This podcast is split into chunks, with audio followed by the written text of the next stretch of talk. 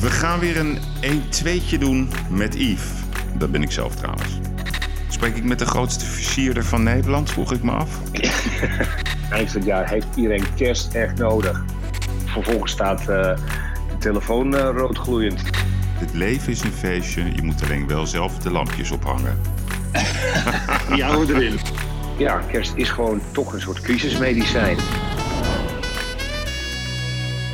Welkom bij een uh, nieuwe aflevering van de podcastserie Uitblinkers. Dat zijn uh, mannen en vrouwen die het verschil maken in ondernemend Nederland of op andere terreinen.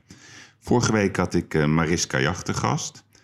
Een buitengewoon getalenteerde interieurdesigner. Tien jaar geleden begonnen en ja, ze is heel goed op weg. Ze, ze bouwt met haar studio Mariska Jacht prachtige huizen om tot, ja, tot droomlocaties, om het zo maar te noemen ik had met haar een, een heel mooi en inspirerend gesprek uh, over de trends op het gebied van interieur, maar ook over haar manier van ondernemerschap.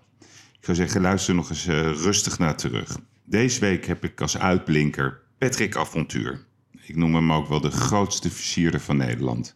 Hij is eigenaar, oprichter en creatief directeur van Avontuur Blacher. Hij is ooit begonnen in de 90 jaren is altijd leuk om eh, te achterhalen hoe iemand begint. Dat ga ik hem zeker nog even vragen. Hij is ook hofleverancier. En hij is uh, by far de grootschalige kerstverlichter van Nederland. Ja, ik zou heel graag willen weten hoe gaat het eigenlijk met hun bedrijf? Is er nog handel? Uh, het is een positieve man, dus hij vindt altijd wel een uitweg. Dus het is tijd om te bellen met Patrick Avontuur.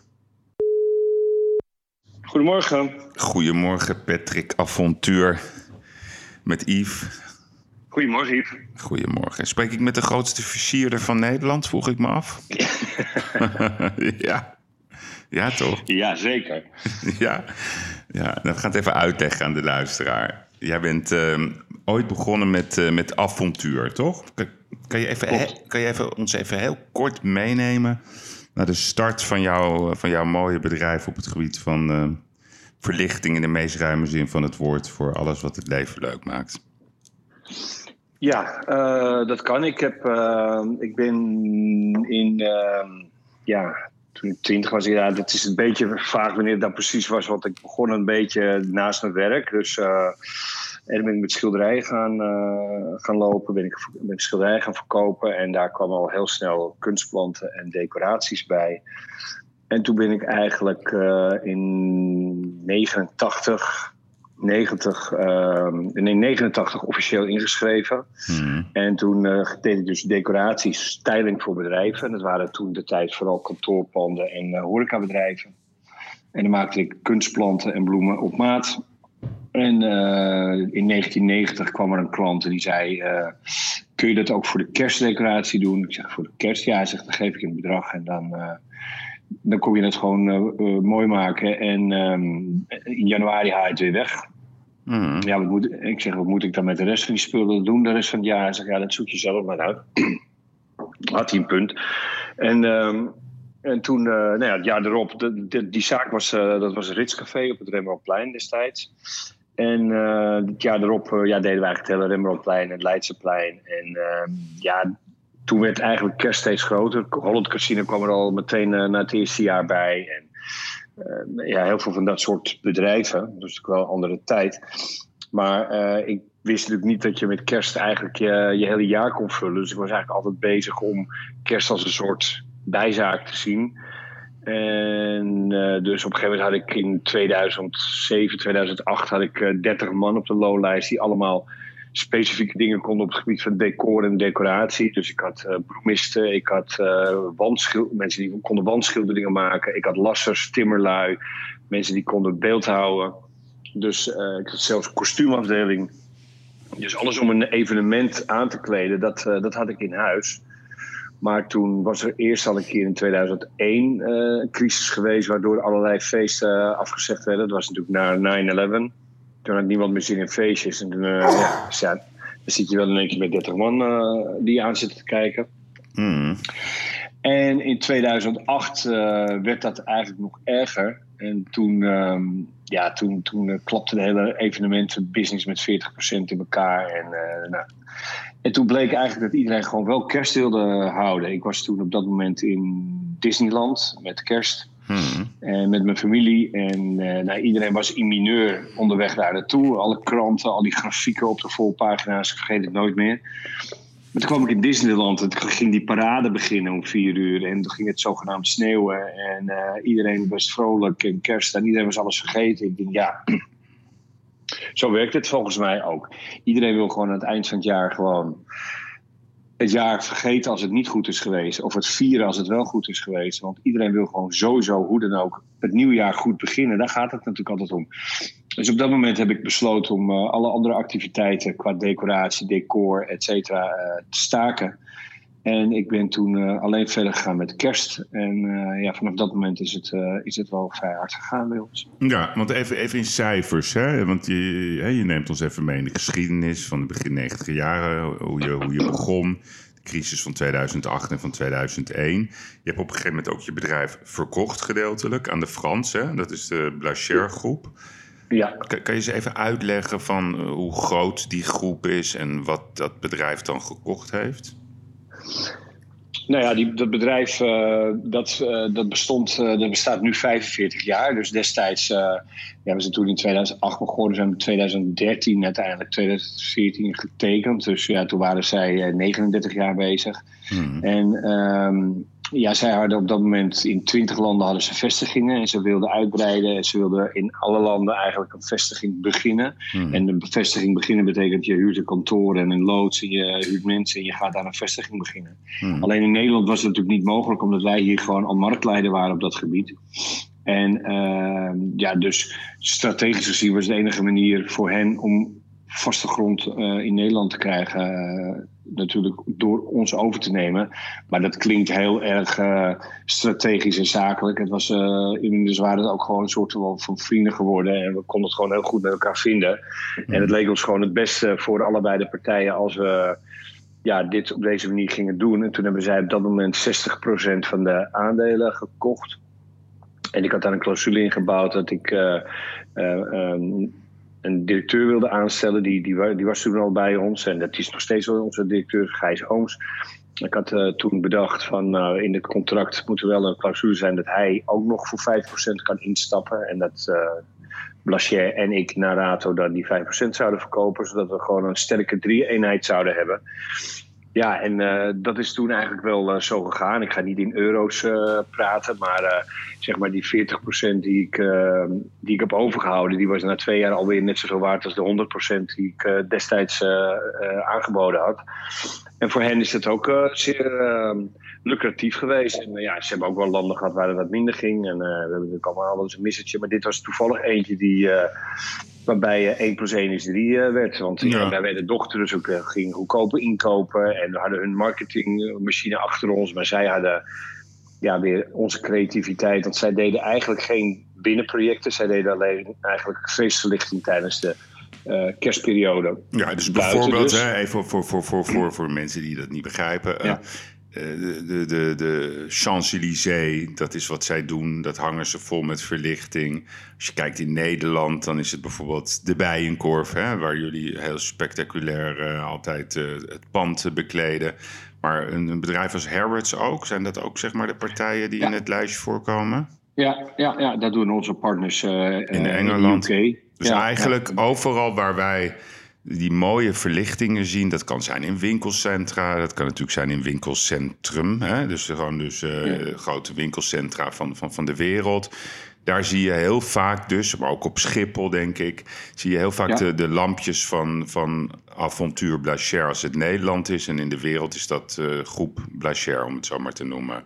Ja, heel goed. Ja. En dat zijn dus, even voor de duidelijkheid, wij doen dus geen verlichting in de zin van. Uh, nee, lampen ja, of zo. Theaterspots ook nee, niet eigenlijk. Hè? Dus, dus eigenlijk alleen die, die, die kleine lampjes die, ja, uh, ja. die appelleren aan het eindejaarsgevoel. Ja, en als je dat vertaalt, hè, want hoeveel mensen werken er bij die groep in Frankrijk, dus wereldwijd?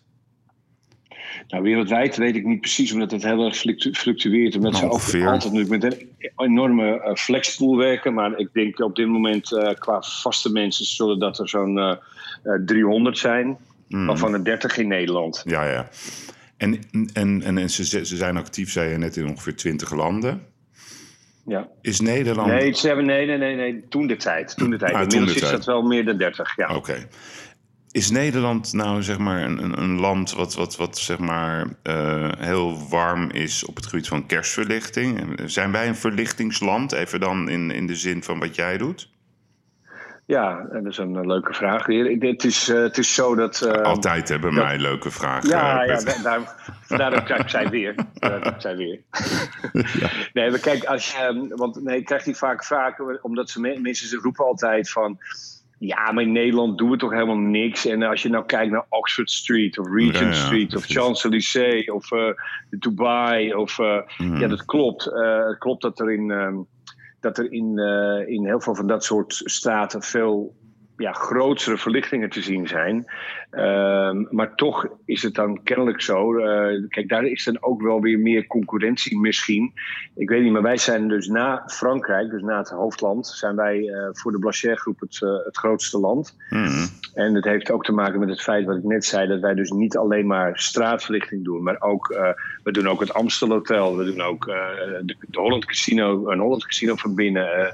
en we doen dus ook echt binnenprojecten. We doen voor, voor, voor Jipse zaken, we doen voor eh, de NS-stations doen we binnen eh, de terminals. En, en dat, dat eh En gebeurt in Binnenhof, het doe je het Binnenhof? Nee, nee, de Binnenhof doen we nog niet. Nee, ik hoorde dat dat ook niet veilig was. eh, Oh, recentelijk. nee, dat hoorde ik ook, ja. Nou, die kunnen ook wel, wat die verdienen ook wel een beetje gezelligheid, toch? Tijdens al die moeilijke dagen. Hey, Ja. want, want als jij, jij, jij kijkt, je, je je hebt meerdere, als ondernemer heb jij natuurlijk ehm, 2001 noemde je, hè? dus dat was eh, zeg maar, en SARS. Als we het toch even in pandemie eh, bespreken. En het instorten van, van, de, van de World Trade Centers. Die een hele heftige, maar vooral wel wat kortere impact hadden. Toen hadden we 2008. Dat was toch wel, om het zo maar te zeggen, een hele zeurderige crisis. Die bleef maar terugkomen. En Ja. als je kijkt naar het nu. Want ik kan me voorstellen dat, dat, dat wat jij doet, dat dat toch wel best wel heel kwetsbaar is in deze tijden. Hoe, hoe, hoe moet ik dat zien? Ja, nou dat, eh, dat, eh, dat is eh, inderdaad wat heel hoop mensen denken. Heel hoop mensen denken dat, dat onze klanten dit voor de lol doen. Of omdat ze geld over hebben. Of omdat ze vinden dat ze wat moeten doen omdat iedereen wat doet. Of dat het gezellig is. Maar dat is het natuurlijk niet. Onze klanten die, die zien het als een hele belangrijke tool uit de, de complete marketingmix. Mhm. En vooral nu, en dat is dus wel weer gebleken. eh, we hebben dus in, eh, in, in maart, toen de lockdown kwam, toen zat iedereen, eh, zeker in onze branche en in de evenementenbranche, eh, als konijnen in koplampen te kijken van wat moeten we nu? Mhm. En toen hebben wij eigenlijk wel meteen een bepaald pakket maatregelen bedacht en acties bedacht. Ehm, eerst gewoon heel erg op de achtergrond blijven, dat iedereen even kon wennen aan het idee. Maar wij hebben wel meteen gezegd, nou, we hebben een hashtag-campagne, hashtag 2020 needs Christmas. Mhm. En ik wist gewoon dat het eind van het jaar heeft iedereen kerst echt nodig. En eh, kerst heeft nogmaals niets met geloof te maken, maar gewoon puur met het feit dat mensen het oude jaar willen afsluiten en het nieuwe jaar goed willen beginnen. En eh, ja, de marketingpotjes die konden natuurlijk niet opgemaakt worden aan Valentijns. Nou, Valentijn nog wel, maar aan moederdagacties, aan zomeracties, aan Pasen. barbecue-acties, eh, noem het allemaal maar. Ehm, dus heel veel bedrijven hebben die potjes niet kunnen leegmaken. En voor hen is die winterperiode, en die gaat dan zo'n beetje in derde week november tot en met de sale in januari.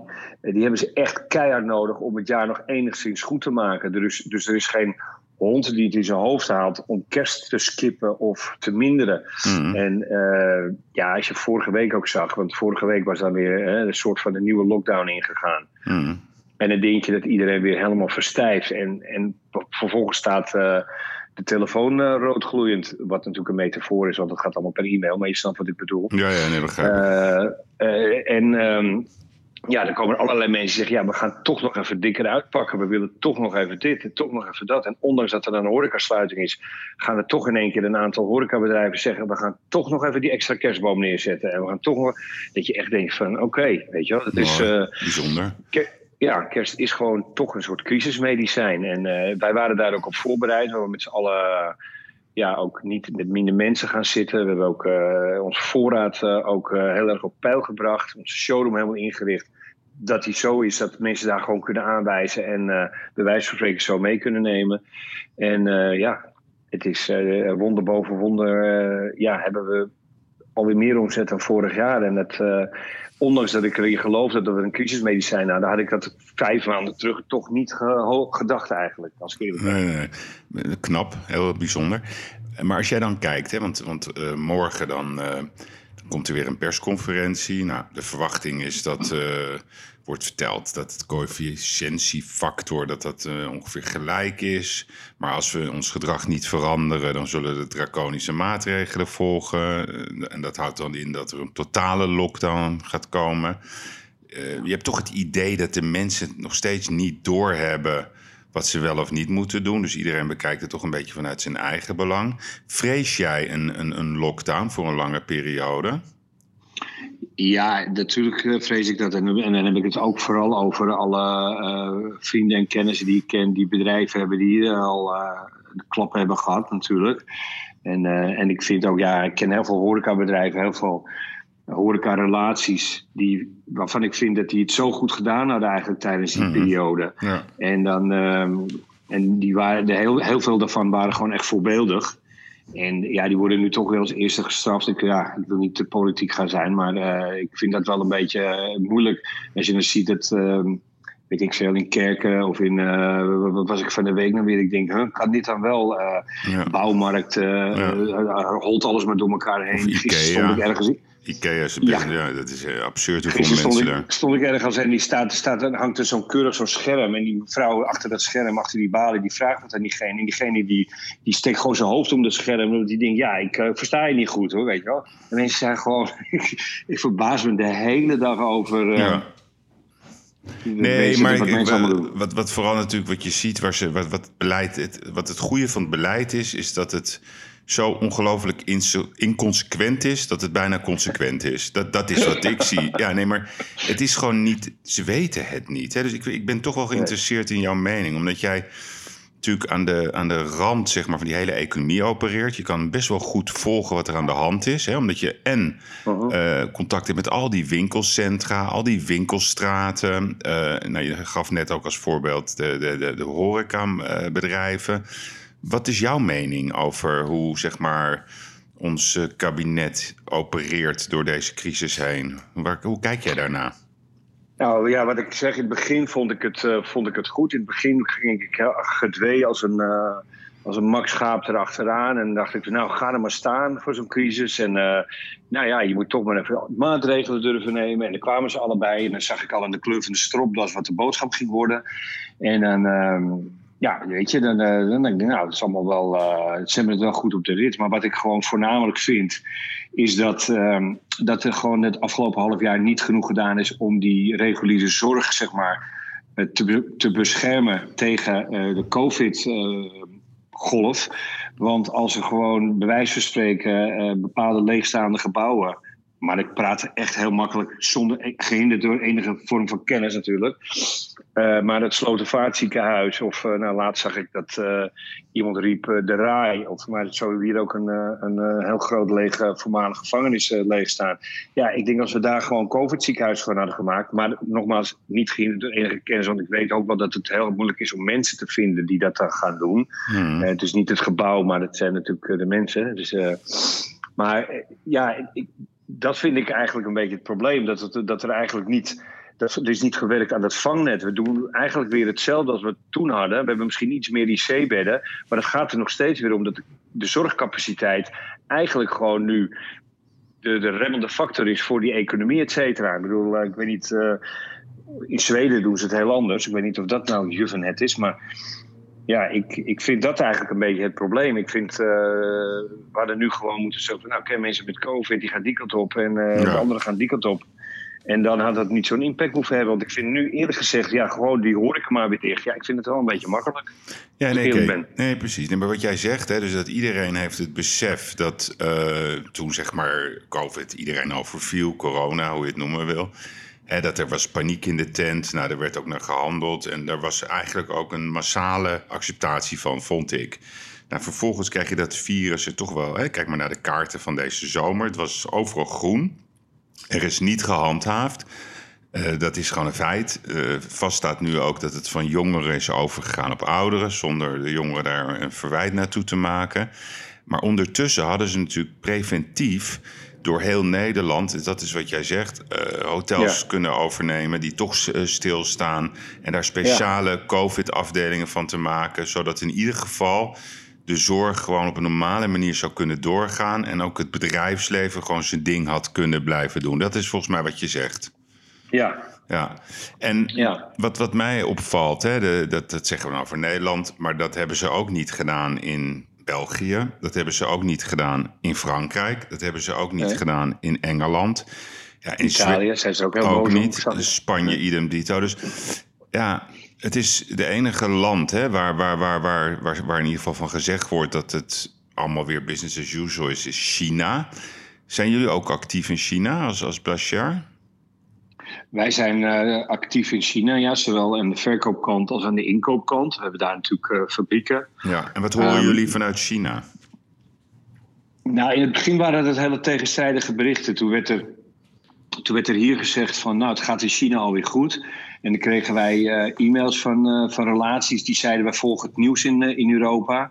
Maar wat jullie te horen krijgen, klopt helemaal niet. Dus ze liggen hier gewoon dood in de straat. Mm. Dus ja, ik vind het, die berichtgeving uit China vind ik altijd wat moeilijk. En dan zou ik liever kijken naar bijvoorbeeld Zweden of zo. Dat, hoe gaat het daar dan? Ja. Uh, want dat is dan toch wat, voor mij wat transparanter. Want ja, China, de berichtgeving uit China Nee, maar we, altijd een beetje. Weet je wat ik me verwonder? En dat is een beetje. Uh, kijk, COVID stopt niet bij de grens, toch? Volgens mij niet. Nee. Um, ja. ik begrijp, in Europa was er ook niet echt. Nee, ik bedoel, dan, dan, dan zijn we zo. Er wordt ons verteld dat één Europa zo goed is. Nou prima, ik wil het graag zien.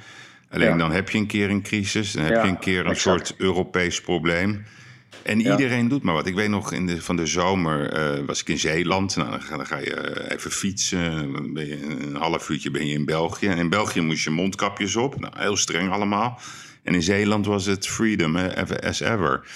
Dus ja, ja het, is, het is gewoon voor normale mensen. Ik zit er zelf de hele tijd maar naar te kijken. En dan denk ik van ja, ik snap het gewoon niet. Ik wil, nee, wil overal uh, aan meedoen, maar dit is toch geen beleid. eenheid dat moeten leiden heeft alleen maar geleid tot meer verdeeldheid. Ja, en daardoor ja. krijg je ook allerlei mensen die gaan in complotten denken. En je krijgt ja. verwarring. En je, terwijl we samen het moeten doen. Hè? Dus, maar er is geen beleid om de een of andere manier. Het inconsequente beleid. Ja, zo zo zie jij dat ook. Ja, dus ja absoluut. absoluut. Nee, want ik, ik, ik uh, ja, want wat betekent het voor jou? Want ik, ik zeg je heel eerlijk, ik vrees uh, dat, dat het een gedoe wordt hoor, tot met het eind van het jaar. Dus ik vrees ook de situatie in de straten en in de winkelcentra, noem het dan maar op. Wat zou dat Zeker. betekenen als, als er weer keiharde maatregelen genomen worden voor al die verschillende bedrijven? Wordt dat een soort. Uh, is het uitstel van executie bijna, als, als ik het zo mag formuleren? Als, als, als het keihard wordt afgestraft, dus dat niemand open mag, noem het dan maar op? Ja, dat, dat wordt natuurlijk een slagveld. Ik weet niet wat ze dan voor compensatiemogelijkheden ter beschikking gaan stellen. Maar uh, zonder, zonder hulp gaan natuurlijk heel veel bedrijven het niet redden. Ze zijn nu allemaal al aan het bakverkeer op het, uh, op het randje. Mm. Omdat de meeste tot oktober nog wat steun hebben gehad. Maar als er nu nog weer wat komt, ja, dan. Um, ook in de retail, dat ging natuurlijk al heel slecht. Want, en, voor, en de, als je ziet hoe de online verkopen zijn gestegen. Nou, dat is natuurlijk uh, in, de, in, een dusdanige versnelling gegaan. Dat, uh, dat er komt de offline retail niet zomaar meer overheen natuurlijk. Ze wisten allemaal dat het eraan zat te komen. Dat ja, online gewoon steeds groter werd ten opzichte van offline. Alleen die, die corona heeft dat natuurlijk wel allemaal eventjes versneld. Mensen die eerst nog dachten, ah, ik heb geen zin om een account aan te maken. Ik loop wel even naar de, naar de straat toe. Ja. Dachten nu, ja, ik zal toch een account aan moeten maken. En eenmaal een account aangemaakt, ja, dan is het uh, drie keer klikken en heb je het weer binnen. Nee, precies. Dat... Maar goed, aan de andere kant vind ik dat ook een beetje scorebordjournalistiek. Want het is heel logisch dat nu de, de, de supermarkten goed doen, de online supermarkten, bepaalde ketens. Maar ja, je ziet ook dat in, bijvoorbeeld in de branche van, van congressen en evenementen zie je, sorry, zie je gewoon dat ja, dat, dat het plezier van het leggen van contacten, dat werkt honderdduizend keer beter dan al dat uh, online geschreeuw en noem het allemaal op. Dat is natuurlijk ook, ook ik- dat is toch ook Ik een ben het daar helemaal mee eens, maar Ja. ik heb het niet zozeer van de journalistiek. Ik zie gewoon wat er omheen gebeurt. Ja, nee, maar dat vind ik interessant. Dat vind ik veel interessanter. Hè? Dus als jij kijkt, hè, omdat jij, jij bent in zoveel branches actief. Hè? Wie zijn ehm, volgens jouw perceptie de winnaars van deze crisis? Wat zijn de branches die zeg maar het eigenlijk heel erg goed doen. Ja, dat was in eerste instantie, we zijn dat natuurlijk de supermarkten. Mm. Daar zijn wij natuurlijk ook uh, meteen in, uh, in februari achteraan gegaan. En we hebben ook een uh, aantal ketens tot onze klantenkling mogen gaan rekenen. Ja. Dus, dus daar is natuurlijk, uh, dat is natuurlijk simpel te berekenen. En, uh, ja, en ook de, natuurlijk de, de bungalowparken voor mensen die dus op vakantie wilden in eigen land. Ja. Dat is natuurlijk ook uh, goed gegaan. Maar ja, ook als daar de horeca dicht is, is het natuurlijk ook weer minder leuk. Maar goed, mensen willen toch weg. Hmm. En nou ja, als je dan een huisje huurt ergens en je kan lekker gaan fietsen en doen, ja, dan is dat toch nog wel vakantie. Hmm. Dus, dus die branche hebben we natuurlijk, ja, en de online bedrijven. En, ja. maar ook in eerste instantie alle bedrijven die profiteren van mensen die hun huis willen gaan verbouwen. Want mensen hebben allemaal spaargeld. Klopt. Dus mensen zijn allemaal thuis een huis gaan verbouwen. Maar ja, dat is volgend jaar ook wel eens een keer klaar. Ja, nee, maar dat klopt. En, en wat je ook ziet is dat de boterbranche doet het heel erg goed. Dus alles wat te maken heeft met een stukje individuele vrijheid. Um, en als je kijkt naar de retail, hè, want dat is een sector waar ik, ik, ik, zie veel mensen op tv vanuit horeca, maar er is natuurlijk meer dan horeca. Hoe kijk jij zeg maar naar de retail? Want daar is zeg maar het, ja, het, grote slagveld nog niet begonnen. Maar ik kan me voorstellen, je hebt veel winkelcentra als klant. Ja, de, de deelnemers aan de winkelcentra, zeg maar de huurders, die halen hun targets niet. Wat hoor jij van de verschillende winkelcentra, de basis van de winkelcentra in Nederland? Nou ja, wat, wat ik dus net zei. Kijk, het is, uh, het is dus natuurlijk zo dat uh, ze, ze, we hebben al langer last van het hele online groei, van de hele online groei. Ja. En het, het uh, medicijn tegen online was natuurlijk experience. Ja. Dus experience shopping, dat moest het antwoord natuurlijk zijn. Op, Zoals de Mall van uh, de Netherlands, hè, bijvoorbeeld, die een mooi project. Ja, met alle, ja. Met, en, dan, en daar is vooral natuurlijk ook horeca een hele belangrijke trekker. Hè? Dus je, gaat, je gaat niet alleen maar winkelen, je gaat ook lekker een terrasje pakken in een winkelcentrum. Je, gaat, uh, je gaat lekker, uh, weet ik veel, lekker een hapje eten. En, hmm. en als dat allemaal dicht is, dan is dat natuurlijk ook weer een heel belangrijk wapen tegen online, is ook weer weg. Hmm. Dus uh, je kan wel zeggen, de winkels zijn nu open. Maar mensen gaan toch minder snel winkelen als je niet ook een kopje koffie kan drinken ergens. Hmm. Ja. En, en wat zijn dan volgens jou medicijnen, zeg maar, uh, om, om, om hier, hè, zoals als ik het zelf inschat, dan denk ik dat we pas zo ergens ja, eind april weer een beetje normalisatie gaan krijgen. Dat, dat, dat positivisme heb ik wel. Uh, ik denk wel mm-hmm. dat ze nu zijn ze aan het testen. Nou, en dan nog, zo'n zo medicijn is, is nog niet heiligmakend. Hè? Want ik bedoel, dat gaat echt niet meer verdwijnen, dat corona. Dus we zullen op een of andere manier mee moeten leven. Wat vind jij nou, zeg maar, het medicijn dat we ook op een positieve manier de komende jaren hier uit kunnen komen? Dat we van de nood een deugd maken. Heb je daar oplossingen voor? Nee, ik heb er niet echt oplossingen voor, maar ik heb er wel een wens voor. Is, is dat ik net zei, dat mensen meer gewoon samen gaan doen. En mhm. mensen meer samen optrekken. Ik, uh, ik had het ook best wel ver gevonden als, uh, als uh, de supermarkten bijvoorbeeld achteraf een extra btw-heffing hadden kunnen krijgen. Zodat dat naar de kleine middenstanders zou kunnen gaan. Ja. Of ja, ik zou graag zien dat, dat we meer als, als, als één gaan optrekken. Ik denk dat dat eigenlijk een beetje de hele boodschap achter die hele corona had uh, moeten zijn. En, uh, maar ja, dat zeg ik, wat, wat tot eenheid had moeten leiden, le heeft alleen maar tot meer verdeeldheid geleid. Maar ja, ik hoop dat dat. Ik hoop dat dat een beetje komt. Dat ja. we gaan beseffen dat je elkaar nodig hebt. Want er is denk ik niet één medicijn tegen dit. En ik ben het volledig met je eens. Dat heb ik al vaker gezegd we zullen hiermee moeten leren leven. Ik geloof niet dat er morgen een vaccin komt en het overmorgen alles weer normaal is. Nee, dus we zullen een soort, soort routekaart hoe we ermee om moeten gaan, moeten gaan bedenken. Even terug naar jouw business. Hè? Wat is nou het mooiste eh, project wat je ooit hebt gedaan? Waar je, waar je zelf van zegt van ja, dat is echt het visitekaartje bij uitstek. Hoe wij kunnen laten zien hoe verlichting, zeg maar, een gebied of een gebouw echt maximaal het mooie plaatje geeft. Wat vind jij zelf het mooiste project wat je hebt gedaan? Moeilijke vraag. Uh, ja, leuke vraag. Nou, kijk, soms dan heb je iets en dan past het gewoon in één keer heel erg mooi. En dan gaat het niet om of het nou groter of, of, of kleiner is. De bijkorf is natuurlijk voor mm. ons een heel belangrijk ding geweest, omdat wij waren eigenlijk de eerste die zo'n zo'n soort gebouw op die manier met, uh, met kerst in stijgen zetten. Want uh, de bijkorf was toen bij ons gekomen op een beurs en die vroeg een bepaald product aan. En toen zei ik, nou ja, als jullie die hele, als jullie die hele gevel daarmee willen bekleden, heb je zoveel nodig dat, daar kan je net zo goed iets op maat laten maken. Dat, dat is veel mooier. Mm. Want, uh, want, anders, dit, dit hangt volgend jaar misschien met de zwarmerzaak aan de overkant ook. En dan heb jij voor vijf jaar je hele gevel ermee volhangen. dus zei ze, nou bedenk maar wat. En toen heb ik dus die honingraadvorm van, van het logo heb ik bedacht als, vallen, als sneeuwvlokken die naar beneden vielen, zeg maar.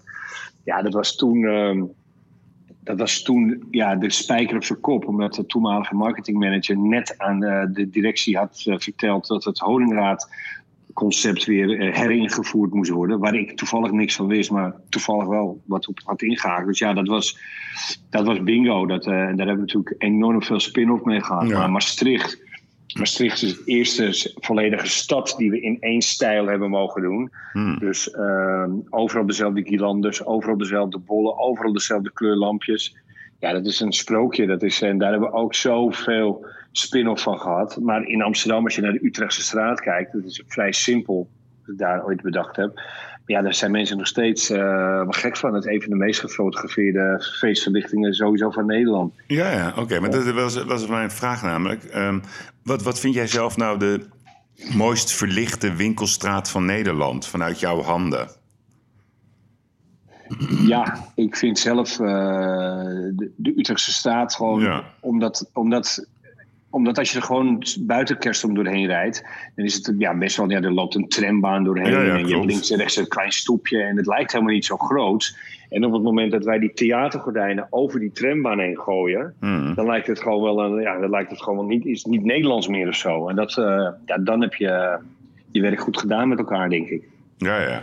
Dus de Utrechtse straat en buiten, buiten zeg maar de Randstad. Hè? Want uh, we hebben, vaak wordt het verwijt gegeven dat alles draait om de Randstad. Je noemde net ja, ja, Maastricht. ja, Maastricht, is, Maastricht is een sprookje. Vooral als het... We hebben een jaar gehad, had het ook nog een, een, beetje gesneeuwd. En dan lag die sneeuw zo op die Gielanders allemaal. En dan heb je al die stad met allemaal een beetje... Toch een beetje dezelfde hoogte en breedte van de straten. En dan overal overal die bomen. In Maastricht hebben we alles werd warm wit, hè, dat noemen wij warm wit. En 20% van alle lampjes zijn puur wit. Dat is dat killere wit. Hmm. Maar daardoor krijgt het een, uh, ja, een soort uh, een hele frisse sprankeling door over die hele stad heen. Ja, en eigenlijk iedereen die daar geweest is, die vindt het altijd fantastisch. Dus ja, dat, uh, dat kan ik zeker wel zeggen, ja. En, en, en wat is de beweging? Maar de koopgroot is ook leuk hoor. De wat, hè? De, de koopgroot. de koopgroot, waar is die? Dat weet ik dus niet. In Rotterdam. Oh, in Rotterdam, kijk aan. En wat is nou... Um, zeg maar een project wat je heel graag nog zou willen doen. Waar je van zegt van ja, dat zou ik toch echt, dat staat bovenaan mijn wensenlijstje om daar eens een keer. Het Binnenhof lijkt me wel leuk, ja. Het Binnenhof, hè? Ja, ja, ja. Dat is oké, okay, we geven het door. We geven het door. Daar luisteren wel regelmatig politici mee. En als jij uh, kijkt naar de impact, hè, um, hebben jullie ook bewijs dat, zeg maar, um, zoals je het in de Utrechtse straat doet, of zoals je het bij de Bijenkorf doet, of zoals je het in Maastricht doet. Hebben jullie bewijs dat zeg maar, zo'n soort van verlichting ook een bewezen uh, stijging van de omzet oplevert? Ja, ja niet alleen, bewijs, alleen stijging van de omzet, maar we hebben, we hebben vier dingen weten aan te tonen middels uh, verschillende onderzoeken. Mm. En uh, ook, soms hebben ook onze eigen klanten dat uh, onderzocht. Bijvoorbeeld in Alkmaar, daar hangt de verlichting van 1 oktober tot 1 april, dus dat is een half jaar. Mm. En zij willen het 1, 1 oktober aan hebben, omdat ze hebben dan 2 of 3 oktober hebben ze Alkmaars ontzet Hmm. En uh, dan willen ze het al aan hebben. En, uh, en zij hebben gewoon uh, onderzocht of ondervonden dat men de stad in die periode als schoner en heler ervaart. Dus, en dus veiliger. Uh, dus, uh, dus dat is een dingetje. Dat schijnt het gevoel van veiligheid natuurlijk ook te verhogen als er meer lampjes hangen. Dus dat is een dingetje. Maar wij hebben uitgezocht uh, via een bureau. en dat ging echt over winkelgebieden, dus winkelcentra en stadskernen, binnensteden. Dat als er mooie verlichting hangt, goede leuke kerstdecoratie, dus echt, echt, dat je echt die veranderende sfeer hebt. Dan is het zo dat mensen vaker terugkomen, langer blijven en meer besteden. Ja, ja oké. En als je kijkt naar, naar, bijvoorbeeld eh, over onze helden, hè, dus de ziekenhuizen, doen die aan kerstverlichting? Ja, ja, ja? wij, uh, ja, wij, uh, wij doen uh, best wel een aantal ziekenhuizen, ja. En ja, dus van het UMCG in Groningen en de AMC en, ja, en ook allemaal, ja, ja, ja. Oké, heel goed. Hey, en als je kijkt naar de toekomst van jouw bedrijf, je had even een hele vervelende situatie in 2018. Toen uh, dus je pand, je zit in Weidenes, hè, kop van Noord-Holland. Uh, toen stond jullie pand opeens in de fik. Nou, er is een heel mooi nieuw pand uit voortgevloeid, gelukkig. Um, Wat, wat, wat is het plan voor de komende vijf jaar? Wat zijn de ambities? Ja, nou, ik vind zelf als we, als we op deze manier uh, consolideren en gewoon gestaag groeien zoals we dat nu doen, Hmm. dan denk ik dat, uh, dat we het heel goed uh, doen. En uh, we zijn ook net begonnen met onze fabriek in Polen. En ook Blachier Polen hoort bij ons. Dus we moeten die markt ook nog een beetje gaan, gaan ontginnen. En we zijn met een nieuw concept. Dat is helemaal online ook. Dat heet hurenkerstboom.nl. Hmm. En daar kun je gewoon zelf de kerstboom naar keuze kun je daar aanklikken. Dus formaat, grootte, aantal lampjes kleurcombinaties, et cetera. En dan tik je aan welke leefweek je hem gehad wil hebben, zou willen hebben. En uh, wanneer die weer opgehaald moet worden. En dan wordt dat automatisch geregeld. Nou, dat is natuurlijk iets, dat doet uh, de jongere generatie, uh, waaronder mijn dochter binnen ons bedrijf. Om, um, ja, dat is natuurlijk weer ja, de nieuwere manier van zaken doen. Mensen hebben niet altijd zin in, de, in een vertegenwoordiger aan de deur die zegt wat voor kerstboom er moet komen. Dus, uh, dus dat, dat hele geautomatiseerde online, daar gaan we ook nog wel mee verder. En we hebben een, een groothandel, die heet Girlando.com. Die levert aan partijen die weer kerst doorleveren, dus aan wederverkopers. En zij importeren rechtstreeks vanuit China. Daar hebben we onze eigen productielijnen voor die, uh, voor die delen van de, van de markt. Dus kerstbomen en kerstballen. En ja, daar verwachten we ook nog best wel wat van. Want dit jaar onze eerste grote klus in New York van een wederverkoper. Die heeft 700 bomen besteld voor een winkelcentrum. Ja, we doen veel in UK en we ook, exporteren ook veel naar, naar landen als Tsjechië, et cetera. Hmm. Dus uh, ja, dat is eigenlijk ook net begonnen. Dus daar verwachten we de komende jaren ook nog wel wat, wat van eigenlijk. Nou, goed jongen. Oké, okay, nou we zijn er, we zijn er alweer, uh, Patrick. Nou, superleuk. Is er, ben ik nog iets vergeten? Is er nog iets wat je zegt van ja, dat had je nog even moeten benoemen? Nee, nee, ik heb niet iets uh, dat ik denk van nee, dat nee? je moeten benoemen. Ik hoop heel gauw dat, uh, dat de Masters weer uh, ja. terugkomt. Ja, volgend jaar denk ik hè. Ja, ja maar en, dat gaat helemaal goed komen. Dat gaat helemaal goed komen en daar, daar hebben we zin in. Heel goed. Nou, ik heb in ieder geval voor jou nog een, een mooie slogan bedacht voor, voor de komende oh. maanden. Dus ik zou willen afsluiten met het leven is een feestje. Je moet alleen wel zelf de lampjes ophangen. Die houden we erin. Die houden we erin. Oké, okay, Dankjewel. Hele goede dagen. Dankjewel hè. Oh, bye bye. Dag even. Hoi, hoi. Bye, bye. Dit was de uitblinker van deze week. Komende vrijdag ben ik er weer met de podcastshow The Gigs. En volgende week uiteraard weer een nieuwe uitblinker. En wie dat wordt, stay tuned. Ik wens u een hele goede week toe. Dank voor het luisteren.